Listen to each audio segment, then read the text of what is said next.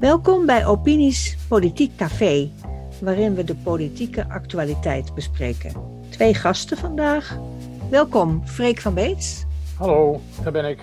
Ja, hoi. En uh, welkom Hans van Tellingen. Goedemiddag. Zo, we gaan het hebben over de actualiteit. En een van de aspecten daarvan is, het lijkt erop dat het imago van Nederland in het buitenland uh, nou ja, hard achteruit gaat, zou ik willen zeggen. De Raad van Europa die heeft allemaal kritiek op onze democratie. En uh, Italië heeft kritiek op onze aanpak van de criminaliteit. En nou komt de Spiegel ook nog met een, nou ja, zeg maar min of meer vernietigend artikel over uh, nou, alles van Nederland bijna. Ja. ja. Wat, uh, wat, wat vinden jullie van dat beeld wat er geschetst wordt? Nou, als ik, als ik even mag beginnen. Ik, eh, kijk, de, de, spiegel, de Spiegel heeft het al eerder gehad. Hè? Een, heel, een aantal jaren geleden ook al zoiets. Het is niet nieuw. En het, we moeten ons daar ook niet uh, over verbazen, want het is gewoon de waarheid. We zijn natuurlijk een, uh, een knooppunt van, van criminaliteit, zal ik maar zeggen. Handel narcohandel, de narcostaat zijn we het worden.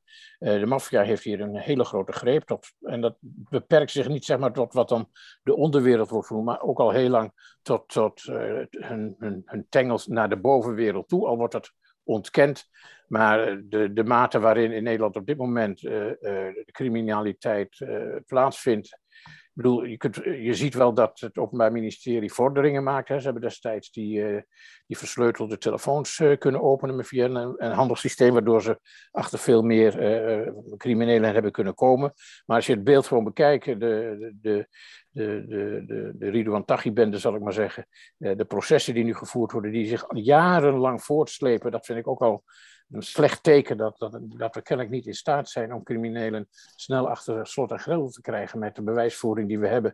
Maar dat uh, al die processen, uh, Marengo en hoe ze allemaal mogen heten, gewoon jaren duren en enorm beslag leggen op de rechtspraak en op alles. Ja, ik vind het onverteerbaar. En daar komt er nog bij, als er nog één ding mag, ik vind het even onverteerbaar dat uh, de advocaten van, van verdachten, van criminelen, uh, gewoon ruim baan krijgen op, in onze media. Er kan geen talkshow plaatsvinden of er zit weer een advocaat van een uh, verdachte crimineel te vertellen hoe, hoe aardig en hoe lief zijn cliënt is en dat het Openbaar Ministerie het volstrekt bij het verkeerde eind heeft. Ja, dat is toch, in wat voor wereld leven we?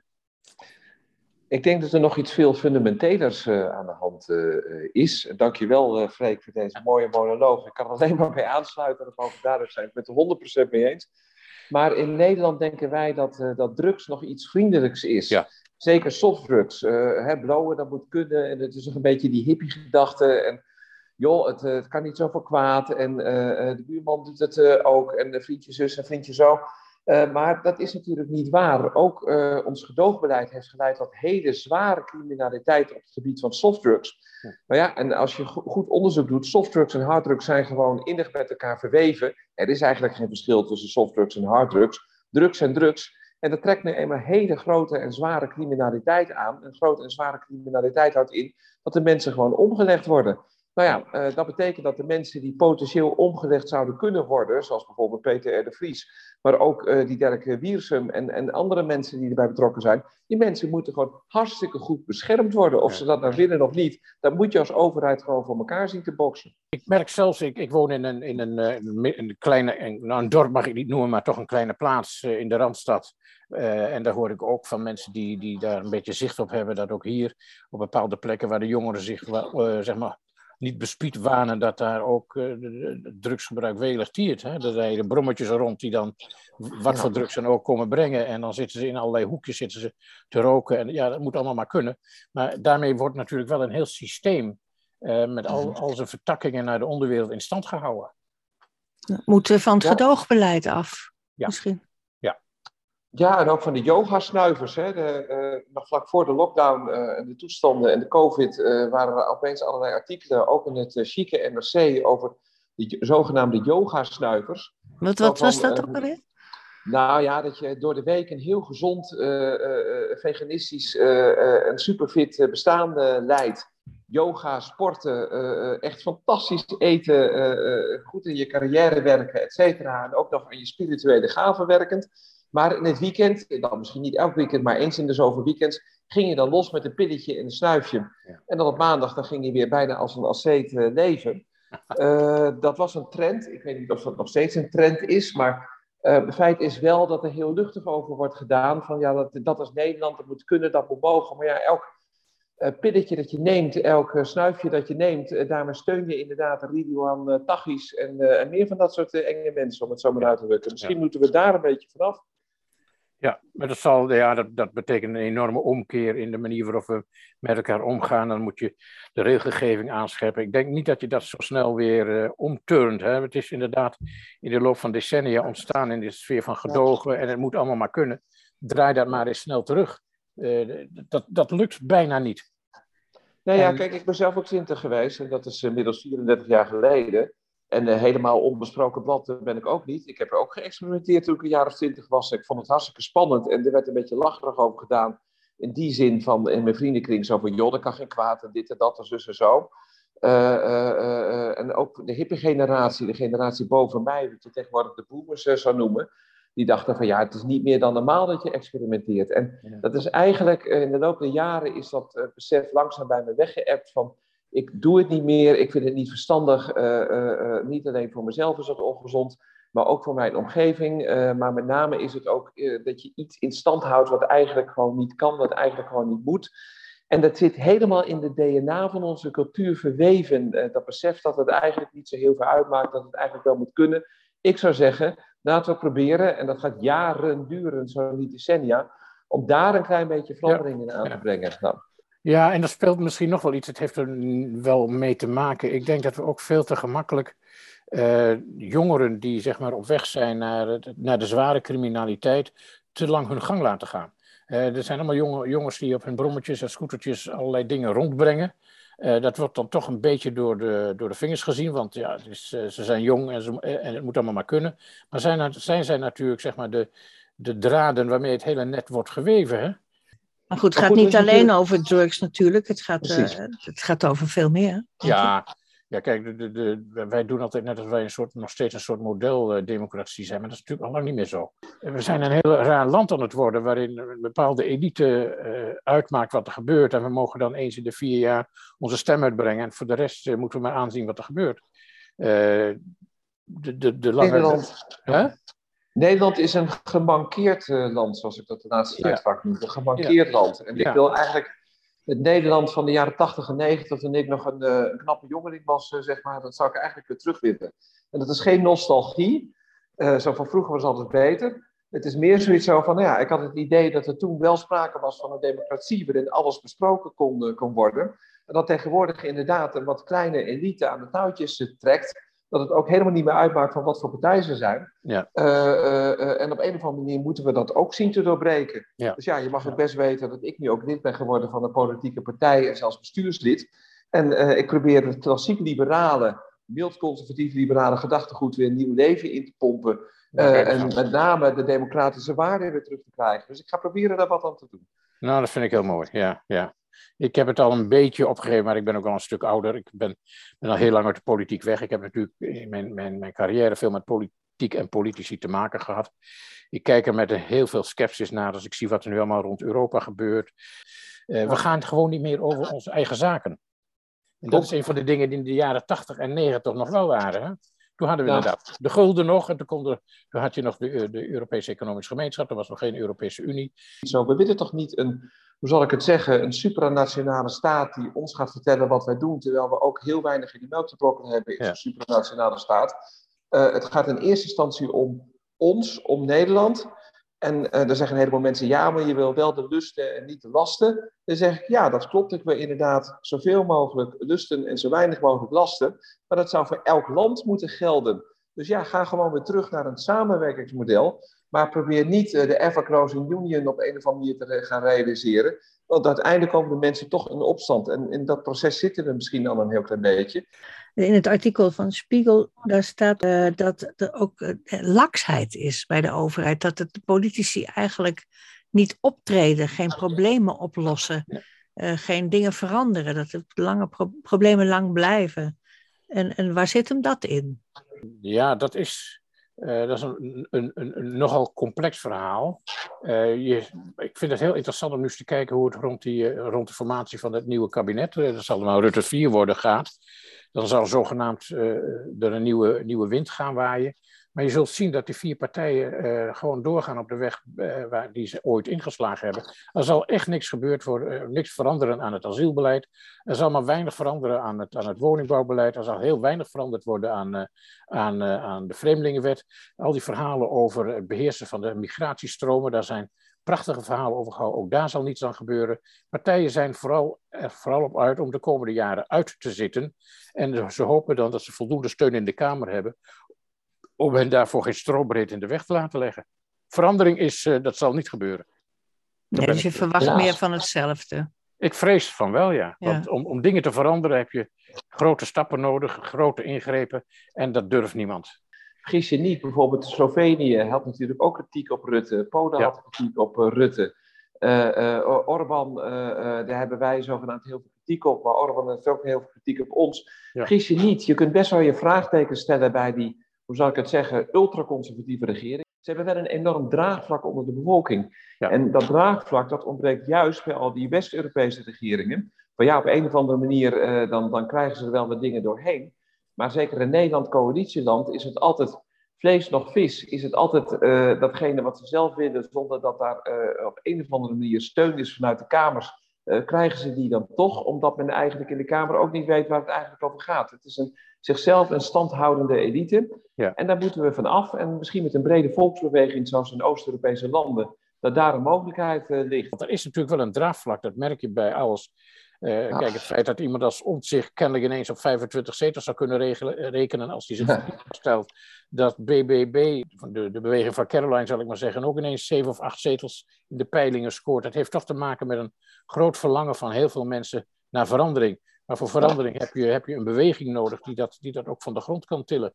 En de Nederlandse politieke partijen, ja, dat zijn, dat zijn verzamelingen van hobbyisten geworden. Er zijn in Nederland ongeveer 300.000 mensen lid van een politieke partij. Dat is bijna niks.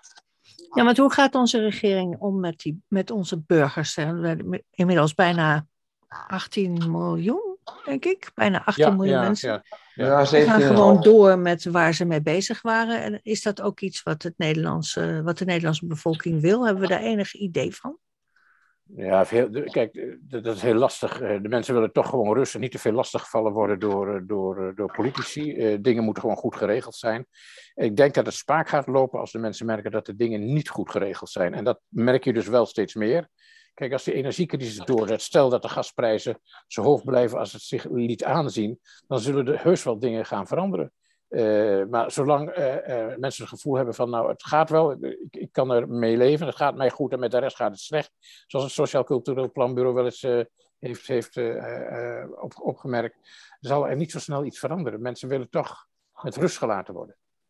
Ja, maar onderschat de jeugd uh, niet. De jeugd heeft geen geld om een woning uh, te kopen. En ook al heeft de jeugd bijvoorbeeld, uh, als ze 25, 26 zijn, een, een, prima baan met, weet ik veel, een startsalaris van 60 of 70.000 euro, dan hebben ze nog geen geld genoeg om een woning te kopen. Mm.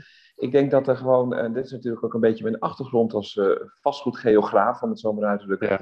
Er moeten gewoon anderhalf miljoen woningen in Nederland gebouwd worden. Ja, Daar ligt ja. een enorme opgave. Uh, ja, en juist allerlei uh, lokale uh, overheden die gaan daar dan voor liggen vanwege allerlei milieuregels, stikstofregels, klimaatregels. Ja, dan los je het niet op om het zomaar uit te drukken. Waar moeten die woningen komen volgens jou? Ehm, nou ja, kijk, allereerst, ik ben, ik ben ook team boeren, om het zo maar uit te drukken. Ik vind het ook heel fijn hoe Caroline iets uit de grond stampt. Ik ben een groot fan van Caroline, ik vind het hartstikke leuk. Dus uh, de boeren die mogen niet zomaar eventjes worden onteigend of zomaar eventjes worden uitgekocht zonder een uh, goedkeuring. dit hele stikstofverhaal is natuurlijk ook een verzonnen verhaal. Want als het om stikstof gaat, wij, het is met 80% ten opzichte van de jaren 80 en 90 verminderd, hè, die stikstof. het is helemaal geen groot probleem, het is een opgeblazen verhaal. Dus de boeren dus mogen blijven van jou, maar waar komen die huizen dan? Nou ja, die huizen die komen inderdaad op plekken, uh, bijvoorbeeld uh, niet alleen maar inbreiden, zoals je dat noemt, in de binnensteden. Op een gegeven moment is die ruimte gewoon op. Maar die komen oh, ja. bijvoorbeeld in de, in de weilanden rondom de stad. Nou ja, en als je dat dan wil, dan moet je die boeren moet je inderdaad uh, fors uitkopen voor een fors bedrag. En dan moet je gewoon maar voor elkaar zien te boksen. Maar kijk, datgene wat echt cultuur, cultuur en landschappelijke waarde heeft, daar moet je heel voorzichtig mee zijn. Daar moet je inderdaad niet aan tornen. Dus er moeten bepaalde gebieden zijn die worden aangewezen, hier mag je niet aanzitten. En bepaalde gebieden uh, uh, die toch al een beetje verdoost zijn, zoals wij mensen dat noemen. Uh, die die gebieden kun je best wel inrichten als, als woongebied. Nou ja, ik, ik, ben, ik ben van origine planoloog. Ik heb meegeschreven aan de derde en ah. vierde nota ruimtelijke ordening. Dus ah. het is ook een beetje mijn, mijn oude vakterrein. Ja. we, hebben, we hebben de ruimtelijke ordening opgedoekt, hè, want dat vonden we mm veel van bovenaf regelen. Maar dat was, dat was in ieder geval heel goed kaderscheppend. we hebben zowel met de derde als de vierde nota heel duidelijk kunnen aan, wijze waar gebouwd kon worden. En daar zijn ook de, voorzieningen voor getroffen en de geldstromen voor gereguleerd. Dat ging toen allemaal mhm. goed. Je had de groeikennen en de groeisteden. En we hebben dus uh, de, de Finex-wijken gekregen. En dat is, zijn eigenlijk toch best uh, op hun. Uh, oh ja, je moet het in, altijd tegen de achtergrond van de tijd ook weer zien. Maar dat zijn toch geslaagde operaties geweest. Dat hebben we nu helemaal niet meer. En wat we dus helemaal hebben vergeten is dat ja, er zijn een aantal dingen. De migratie is doorgegaan. Het is natuurlijk krankzinnig. We hebben helemaal niet nagedacht dat bevolkingsgroei ook uiteindelijk zal leiden tot een woningvraag. Ja, dat is logisch. We, we, we, zijn, we zijn in, in, in, in Europees verband het snelst groeiende land. Ik, ik kan me nog heel goed herinneren, ik zat op de lagere school, toen Nederland 11 miljoen inwoners. We zijn op weg naar de 18. Er is geen land in Europa met zo'n bevolkingsgroei. Geen enkel. Denemarken heeft al 50 jaar ongeveer hetzelfde aantal inwoners. Dat geeft toch te denken. En als we, daar, als we daar niet over nadenken wat de consequenties van bevolkingsgroei zijn, en of je dat niet op een of andere manier zou moeten reguleren, ja, dan blijf je achter de feiten aanlopen. En dat zie je dus nu. We hebben het woningbouw hebben we veronachtzaamd de afgelopen jaren met het, het, bezuinigingsbeleid en het belasten van de corporaties en de verzelfstandiging van de corporaties, wat achteraf gezien ook niet zo'n gelukkige greep geweest is. Uh we hebben, nou ja, dus we hebben daar een enorme inhaalslag te maken. En wat, wat je zegt, heel veel dingen hangen met elkaar samen. Dat stikstofbeleid is natuurlijk van de gekken. Het is een verzonnen beleid. Nergens in Europa heeft men last van stikstof, alleen hier. Hoe komt dat? Omdat we hier eh, normen, gewoon, dat zijn politiek gedefinieerde normen, vastleggen in wetgeving en vervolgens moet iedereen zich daaraan houden. Uh, en die, die, die, dat wordt dan vervolgens gemeten aan de hand van modellen. Ik heb eens een keer op gelezen, jaar, jaar of wat geleden, twee jaar of anderhalf jaar geleden, mhm. de uitbreiding van de wijk. Ik meen dat het in Deventer was. Een wijk die in de buurt van de IJssel gebouwd zou moeten worden. En ook daar had men een probleem met, uh, met de berekeningen van stikstof. Maar door een aantal kavels wat anders te schuiven, kon er ineens wel gebouwd worden. Nou, als je op deze manier bezig bent, dan ben je absoluut verkeerd bezig. De overheid moet gewoon woningbouwlocaties aanwijzen. Ja. En daarbinnen moet je het bedrijfsleven, dus de projectontwikkelaars, de ruimte geven om gewoon de concepten waar de mensen, de, de woonconsumenten behoefte aan hebben, zeg maar te ontwikkelen. Zo simpel is het, uh, is het in feite. Ja. Wat mij betreft moeten we uh, uh, nieuwe Finex-wijken komen. Dat zeg ik in feite. En, en dan heb ik het echt over een miljoen tot anderhalf miljoen woningen die de komende tien jaar gebouwd moeten worden. Nou, dat betekent dat je per jaar 100.000 tot 150.000 woningen gaat bouwen. Dat is eigenlijk nog zelden voorgekomen, dit soort aantallen. Maar die behoefte is er wel. Ja, en uh, ik voorspel uh, gouden tijden voor linkse partijen als ze zich gewoon weer gaan richten op uh, de Nederlandse arbeiders, om het zo maar uit te drukken, weg van dat hele woken gebeuren. Ja. niet alleen met, met, name, hoe zou ik het zeggen, sympathiek zijn voor alle asielstromers, maar met name je richten wat meer op de eigen burgers. Kijk naar de Deense Sociaal-Democratische Partij. Doet niet aan woke-waanzin, uh, uh, richt zich met name op de eigen bewoners. Nou, en dat is dan nu opeens een hele succesvolle partij. Ik voorspel dat de Partij van de Arbeid zomaar 40 of 50 zetels kan krijgen als ze zich daarop gaan richten. In plaats van ja, de asielinstromen en alle woke waangedachten, om het zo maar uit te drukken. Gaat het gebeuren, Freek, denk nee. je? Nee, nee. nee, de, nee, de partij, nee, de Partij van de Arbeid heeft de tijd gehad. Ik bedoel, ik ben in een roodnest, dat heb ik vaker gezegd, ik ben in een roodnest opgegroeid. Ik heb als kind achter de rode vlag gelopen op 1 mei. Dus ik ken dat, dat, uh, ik ken dat milieu heel goed. Maar die, die tijd is echt voorbij. De Partij van de Arbeid heeft zichzelf uh, ja, geen dienst bewezen door uh, met allerlei modieuze winden mee te gaan waaien. Net als CDA trouwens is hetzelfde. Die staat CDA vijf zetels in de peiling. Ja. Ongelooflijk. Het CDA heeft natuurlijk, die had natuurlijk veel beter naar Duitsland moeten kijken althans naar de Beierse zusterpartij van het CDU. Die hebben ervoor gezorgd dat er rechts van hun geen, geen, geen gat ging ontstaan. Dat heeft het CDA wel gedaan. Al die, die, die, die progressieve dominees die hebben het CDA in linkse richting geduwd. Maar ja, die kiezers die links willen stemmen, die kiezen heus dan niet meer op het CDA. Ze zijn hun, hun oorspronkelijke achterban kwijtgeraakt en die krijgen ze niet meer terug. En datzelfde gaat misschien ook voor, het, uh, voor de VVD als Rutte uiteindelijk uh, toch wat anders gaat doen. Ik verwacht volgend ja. jaar, als hij er lang zit, de premier is ooit. Eén uh, dag, als hij, nadat hij het record heeft verbroken, dan gaat hij iets leuks doen in Europa of zo. Dat is mijn voorspelling. Maar goed, dan gaat de VVD ook imploderen. Ja, ja. Dat betekent dus dat alle zogenaamde middenpartijen, die wat mij betreft niet midden zijn, maar in een heleboel opzichten zijn ze juist heel erg radicaal qua stikstof en klimaat en dergelijke. Maar dat alle uh, zogenaamde redelijke middenpartijen uiteindelijk hun kiezers toch gaan verliezen. En wat gaan we dan krijgen? Dan gaan de meeste kiezers toch naar de flanken toe. Nou, ja. dan vraag ik me af of, uh, of Nederland nog bestuurbaar uh, is, om het zo maar uit te drukken. Nee, maar wel krijg... een interessante, interessante toekomst, uh, ik hierbij. Ja, ja, nou, je, dan krijg je van die, van die, van die mensen die achter, hoe zeg je dat, van die, een, van die een, eendagsvliegen aanlopen. Hè? Ik, kijk, het idee van partijen met een ideologisch, die een ideologisch verhaal hebben waar mensen zich achter scharen, dat is denk ik een beetje voorbij. Uh, die ideologie is, is ingeruild voor modieuze prietpraat. En dus herkennen de mensen zich daar niet meer in. En die denken van, houdoe, uh, ik zie het wel. Je kiest, nog, je kiest nog op mensen waar je, die met een goed verhaal komen. Helaas. In de kern is Nederland natuurlijk nog best een, een, een, redelijk, een land dat redelijk bestuurbaar is. We hebben nog steeds een, een bestuurlijk apparaat dat problemen oplost. Maar als uh, de regelgeving zodanig ingewikkeld wordt dat de burgers ook het bestuur niet meer kunnen vinden. En dat, dat merk ik nu ook al om me heen. Hè, dat je eigenlijk de, de, de, gemeentelijke herindeling hebben toegeleid dat de burgers contact met hun bestuurders ook al zijn kwijtgeraakt. Dan krijg je op een gegeven moment het idee dat de mensen dus terugvluchten naar hun eigen milieu, zal ik maar zeggen. En dat Nederland uh, niet meer bestuurbaar zal zijn. Ik, ik ben een rasoptimist. Dat, dat, dat drinkt dat kun je in al mijn blogs, artikelen lezen. Uiteindelijk zie ik altijd weer een oplossing opdoemen. Maar um, als het gaat om de huidige generatie politici, denk ik dat Rutte, de Jonge en Grapperhaus wel een beetje zijn uitgespeeld. En dat hetzelfde gaat misschien ook wel voor Sigrid Kaag. Ik heb in de jaren negentig nog wel eens een keertje D66 gestemd. Vanwege het vrijzinnig liberale karakter. Maar ja, dat zie ik helemaal niet meer terug in D66. Net als in de VVD. De liberale partijen zijn geen liberale partijen meer. Kijk, weet je, het zijn altijd golfbewegingen. Die ever-closing union. Ik denk dat, dat steeds meer mensen uiteindelijk zoiets hebben gezegd van ja, maar dit is niet de bedoeling.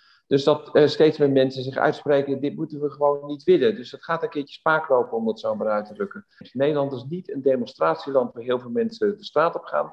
Nee. Maar Nederland is wel een land waar wij op een gegeven moment gewoon niet meer meedoen met datgene wat wij van bovenaf uh, krijgen opgedragen. Ik ben nou, benieuwd, Als we niet meer meedoen, is er geen draagvlak. ja, dat denk ik ook. En in Duitsland, wat ik wel interessant vind, ik heb er nog, daar nog onvoldoende in kunnen verdiepen, moet ik eerlijkheidshalve wel zeggen. Maar dat met name de liberalen die nodig waren voor de, de coalitie die dus daar nu in de maak is, ja. heel erg hun zin hebben gekregen. Hè? Belastingverhoging en dergelijke, die gaan dus niet door. Dus die spelen ja. nu een hele grote rol. Uh, en die zullen een aantal linkse hobby's wel afremmen. Dat is mooi. Ik hoop ja, het maar. Ja, ja. ja het is Jongens, ik, uh, ik moet uh, naar de klok kijken. Ja. Want we hebben uh, heel wat problemen in de revue laten passeren. Ja, en nog geen één opgelost hoop ik. Nee, nee dat gaat niet in zo'n podcast. nee, dan moeten we de oplossing zit hem in de mentaliteit. Inderdaad, ja. niet zozeer in het geld. En de mentaliteit betreft, wat mij betreft, een klassieke liberale gedachte, eigen initiatief, vrijheid van handelen, vrijheid van ondernemen, vrijheid van meningsuiting. En je gezond verstand gebruiken, zeg ik er altijd Bottom op. Je gezond verstand gebruiken. En dan Helemaal tot slot uh, de politici die lef hebben om af en toe eens een knoop door te hakken. Ja, precies. Ja, zeker. Het. Ja, ja. Nou jongens, hartelijk bedankt voor dit uh, gesprek. Het was uh, gezellig aan de bar, zeg maar, in het politiek café. En, ja, ik heb een biertje geopend nu. Nou kijk, dat is helemaal in stijl. Goed zo. Ja. En we praten volgende keer weer eens verder. Oké. Okay. Hartelijk dank. Goed. Dankjewel. Dit was de podcast van Opiniescom. Opinies met een Z voor de nieuwste bijdragen en columns over politiek en maatschappij in binnen- en buitenland. Het is helemaal gratis